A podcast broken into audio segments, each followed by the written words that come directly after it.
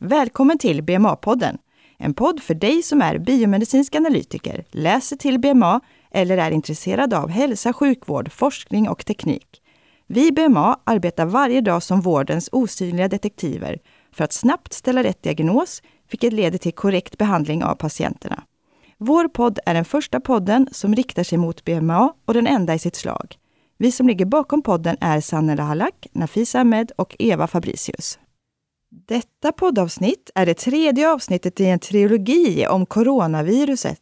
Detta virus som fortsätter att påverka oss i både stort och smått. Detta är en tid då vi har myntat nya begrepp som exempelvis social distansering och coronahälsning och vi använder ord som självisolering och karantän nästan dagligen. Ord och tankar som vi inte använde eller tänkte i början av året. Hur ska vi nu gå vidare och var är vi egentligen på väg? Dessa frågor vill jag diskutera med två biomedicinska analytiker. Välkommen Harris och Lilian. Vill ni berätta lite om er själva, vilka ni är, vad ni gör? Ja, jag kan börja då. Eh, mitt namn är Harris Dilik och eh, jobbar som eh, legitimerad biomedicinsk analytiker och har gjort det de senaste fyra åren på klinisk fysiologi i Malmö. Ja, jag heter Lilian Claesson och jag jobbar också som legitimerad BMA. Jag jobbar här i Lund sedan 2017 och jag jobbar på klinisk fysiologi och nuklearmedicinsk avdelning med inriktad på nuklearmedicin. Välkomna hit! Tack, tack. Tack. Vill ni berätta lite om ert arbete och de undersökningar som ni gör? Eh, jag jobbar eh, inom den nuklearmedicinska avdelningen eh, Eh, och vi utför nuklearmedicinsk undersökning såsom eh, ehm, lundskint, eh, skelettskint, ventrikelskint och, um, och eh, har vi en annan verksamhet som heter PET också.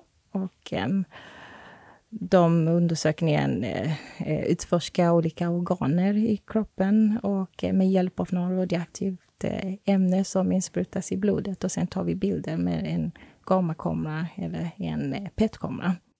Jag jobbar mest med ultraljud av hjärtat, ekokardiografi.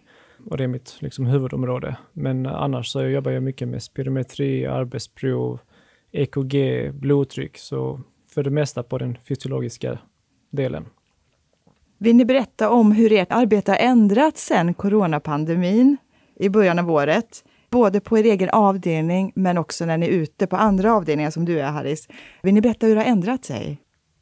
För min del, eh, det har inte ändrats så mycket eh, i vår verksamhet, eh, men framför allt i de akuta undersökningarna har det ändrats en hel del. Vi sen tidigare har haft goda hygienrutiner, men det har förbättrats nu eh, på grund av den här coronapandemin. Vi har använt mer eh, skyddsutrustning när vi bemöter patienter de akuta undersökningar som vi får så måste vi få bekräftelse om patienten har blivit eh, testad för den här coronaviruset. Och det ska stå också på remissen att det, det är, om de är positiva eller negativa. Um, vi tänker på oss själva när vi ska ta emot patienter. Uh, vi skickar hem så fort de har någon uh, feber eller hostar, som vi, de frågar direkt vid luckan när de kommer in, så är det inte lämpligt att patienter utför undersökningen. Och för min del så är det i stort sett som tidigare. Man är mer uppmärksam på patienternas allmäntillstånd. Som Lilian sa, man eh, frågar efter feber, förkylningssymptom, hosta sådär tidigare har jag aldrig liksom frågat en patient innan de kommer in, är du förkyld? Men nu gör man det rätt så ofta. Eh, och man märker också att patientkategorin är lite yngre än tidigare. Eh, man försöker ju, man undviker ju att boka de här 70-plussarna enligt rådande riktlinjer såklart. Och som Lilian sa, det är ju mycket mer um, handtvätt och sprita efter varje patient och tvätta efter varje patient. Men även när man är ute och går på avdelningen, liksom, så, så fort man tar i handtag eller knappar, hissknappar, så tänker man på att tvätta händerna och sprita sådär. Och sen för min del som går ut mycket på avdelning och de här covid-avdelningarna, så är det viktigt att tänka på skydd, alltså både förkläde, mask och visir alltid. Och, och man följer liksom de här um, riktlinjerna man har fått om att hur man ska ta av skydd och, och hur man ska förhålla sig till patienten. Liksom. Det ska vara snabbt och effektivt och man ska inte vara där allt för länge. Har ni tyckt det varit svårt att ändra era rutiner just vad det gäller skydd? Ehm, jag kan tycka att det inte blivit någon större förändring. Ehm, man måste tänka lite mer på när man tvättar av apparaterna. Där måste man vara mer noggrann. Ehm, alltså, man tvättar nästan av till och med alltså hjulen uh, för att man liksom vill vara på den säkra sidan. Men förkläde och visir och mask och sånt är man ändå van vid. Vi får ändå in mycket patienter från akutavdelningar som har um, andra um, virus eller bakterier på sig. För min del, eh, jag tycker inte det har varit svårt. Eh, I och med att vi har haft eh, bra hygienrutiner. Ehm, vi har haft bra kontakt med vår hygiensjuksköterska och vi har försökt följa den här rekommendationen som, som finns. Ehm, och vi, vi pratar med varandra så att vi, vi har stöd med varandra om hur vi, vi hanterar ehm, de här uppdateringarna som kommer. Så att eh, det, det hjälper till att eh, vi vet hur vi ska ta av den. Och det, det är inte svårt. Berätta om de utmaningar och rädslor inför mötet med en misstänkt eller konstaterad covid-19-patient. Eh, varje möte är unikt i sig. Varje patient har ju sin egna bakgrundshistoria. Uh, när man står där liksom fullt påklädd med uh, munskydd, visir och förkläde så känner man liksom hur adrenalinet börjar pumpa innan man ska gå in och börja köra uh, undersökningen. Och varför det blir så vet jag inte. Tidigare när jag gått ut på de här avdelningarna så har jag inte känt någon rädsla alls. Men nu tror jag det är mer så här undermedvetet, att man liksom utsätter sig för en risk. Men jag ser det liksom som en utmaning och alltså, på något sätt är jag också glad att jag får den möjligheten att liksom visa vad min profession kan gå för och hur vi kan bidra eh, med i den här pandemin. Utmaningen för min del är, är patientstyrka. Ehm, vi måste alltid vara mer än en person när vi ska bemöta patienter som eh, har misstänkt eller konstaterad covid-19-smittan. Och ehm, när vi är välklädd att bemöta patienter, då känns det verkligt personligt för mig. Att det är inget som man hör, utan det är något som vi kommer att eh, bemöta. Och vi, jag försöker tänka strategiskt att eh, ha så lite kontakt med patienter som möjligt. Men det, det ska inte minska eh, behandling som vi får ge till patienter, för det är det som är fokuset här. Hur mår de patienter som ni möter? Eh, många patienter är rätt så friska. Liksom. De har ju de här symptomen med feber, hosta, frossa och är rätt så oroliga liksom, för de, med det här att de, de inte fått något bekräftat. Så jag tror den oron väger in mer än själva diagnosen att vi ska gå ut och ta till exempel ett ultraljud på deras hjärta. För de vet liksom vad corona kan leda till. Eh, och andra ligger liksom i respirator och kan inte liksom prata så mycket eller vi möter de här patienterna eh, oftast vid lungskintundersökningar och eh, det utgår att eh, de har någon lungemboli någonstans. Och de har redan svårt att andas eh, från början. Så att de oftast är i dålig skick när de kommer till oss för att eh, de flesta av dem har någon grundsjukdom i bakgrunden. Och eh, när de kommer till oss så eh, ser de inte så mycket för att de också har munskydd på sig. Så att eh, vi, det är vi ofta som gör eh, som pratar med patienter och försöker visa hänsyn till deras situationer. Det i sällsynta fall att eh, de patienter som vi, vi bemöter har eh, lindriga symptomer. Men eh, ändå, de, de försöker få den bästa behandling när de kommer till oss. Men man har märkt också mycket att de här polikliniska patienterna kommer med mycket frågor um, och mycket som man har liksom läst på till exempel sociala medier. Jag hade en patient som frågade mig häromdagen om man kunde hålla andan i 20 sekunder, om det skulle liksom uh, kunna bekräfta att man inte har corona. Så man måste liksom vara försiktig med att uh, läsa allt på nätet och verkligen läsa de riktiga riktlinjerna. Tycker ni att arbetsbelastningen har ändrats sedan covid-19 pandemin? Blivit högre eller lägre eller lika? Jag känner snarare att det blivit lite mindre. Eh, I synnerhet eh, de här akuta flödena. Ehm, antagligen för att folk känner att de inte liksom vill ta sig till sjukhusen i samma utsträckning som tidigare och kanske även läkare som liksom kan vänta eh, ett tag tills det här lugnat sig innan de skickar remisserna. Så på vissa undersökningar har det blivit mer eller lika och på andra har det minskat.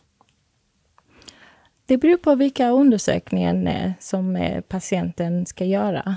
I början så det var, det, var det många avbokningar, framförallt för spirometri och eh, bendensitometri. För andra undersökningar så har det blivit detsamma. Eh, men nu har ledningen har tagit ett steg till för att eh, ta hänsyn till de 70 plus patienterna, så de har gjort lite åtgärder åt dem. Och det är att de har avsatt två dagar till exempel, att de kan komma och utföra sina undersökningar. Och vi har gjort framförallt eh, köttkväll-undersökningar för dem också. Så jag kan säga att det är, eh, belastningar har, det har inte ändrats så mycket. Tycker ni att indikationerna eller anledningen till varför man gör undersökningar har ändrats? Ser ni någon skillnad i remisserna eller frågeställning? Själva frågeställningen, i alla fall på ekokardiografi, är densamma. Um, de, de polykliniska patienterna har ju samma frågeställningar som innan eh, coronapandemin.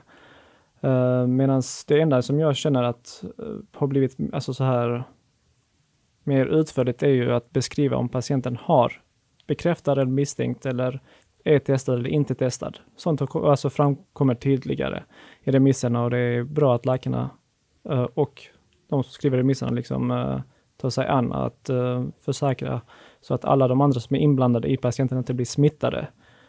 Men frågeställningarna i sig tycker jag är likadana. Jag håller med Harrys. Frågeställningen är detsamma.